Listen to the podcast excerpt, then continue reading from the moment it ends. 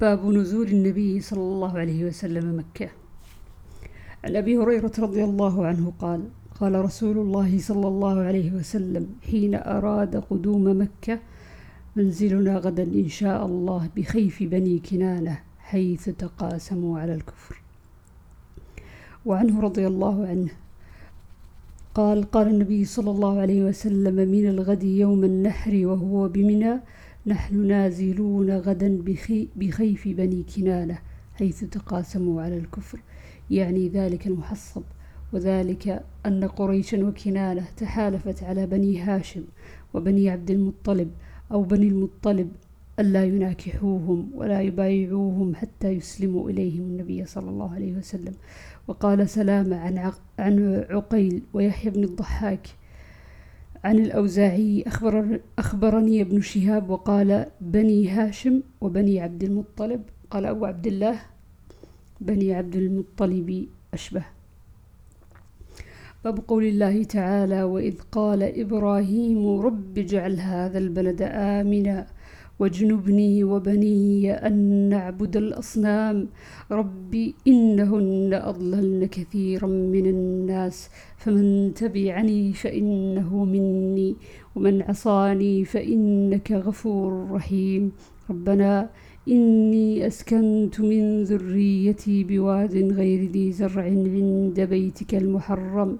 ربنا ليقيموا الصلاة فاجعل أفئدة من الناس تهوي إليهم. الآية. باب قول الله تعالى جعل الله الكعبة البيت الحرام قياما للناس والشهر الحرام والهدي والقلائد. ذلك لتعلموا أن الله يعلم ما في السماوات وما في الأرض وأن الله بكل شيء عليم. عن أبي هريرة رضي الله عنه عن النبي صلى الله عليه وسلم قال يخرب الكعبة ذو السويقتين من الحبشة. وعن عائشة رضي الله عنها قالت كانوا يصومون عاشوراء قبل أن يفرض رمضان وكان يوما تستر فيه الكعبة. فلما فرض الله رمضان قال رسول الله صلى الله عليه وسلم من شاء أن يصومه فليصمه ومن شاء أن يتركه فليتركه.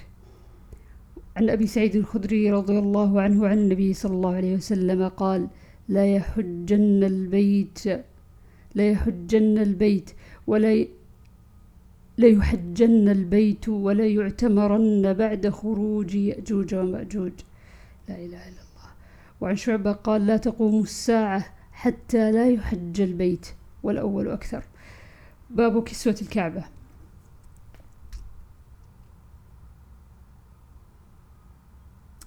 عن أبي وائل قال جلست مع شيبة على الكرسي في الكعبة فقال لقد جلس هذا المجلس عمر رضي الله عنه فقال لقد هممت ألا أدع فيها صفراء ولا بيضاء إلا قسمته قلت إن صاحبيك لم يفعلا.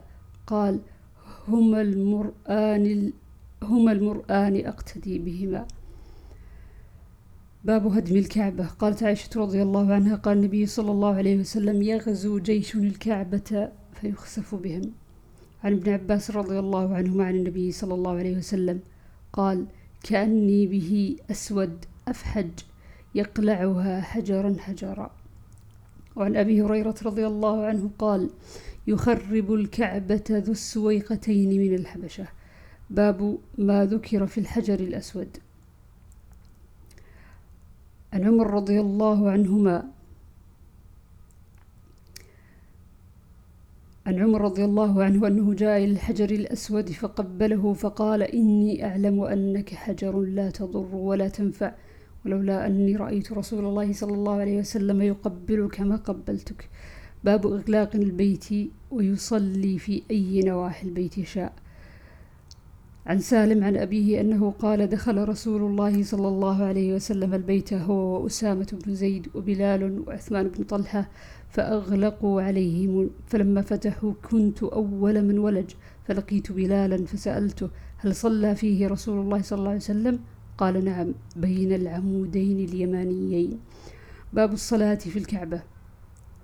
عن ابن عمر رضي الله عنهما أنه كان إذا دخل الكعبة مشى قبل الوجه حين يدخل ويجعل الباب قبل الظهر يمشي حتى يكون بينه وبين الجدار الذي قبل وجهه قريبا من ثلاث أذرع فيصلي يتوخى المكان الذي أخبره بلال أن رسول الله صلى الله عليه وسلم صلى فيه وليس على أحد بأس أن يصلي في أي نواحي البيت شاء. باب من لم يدخل الكعبة.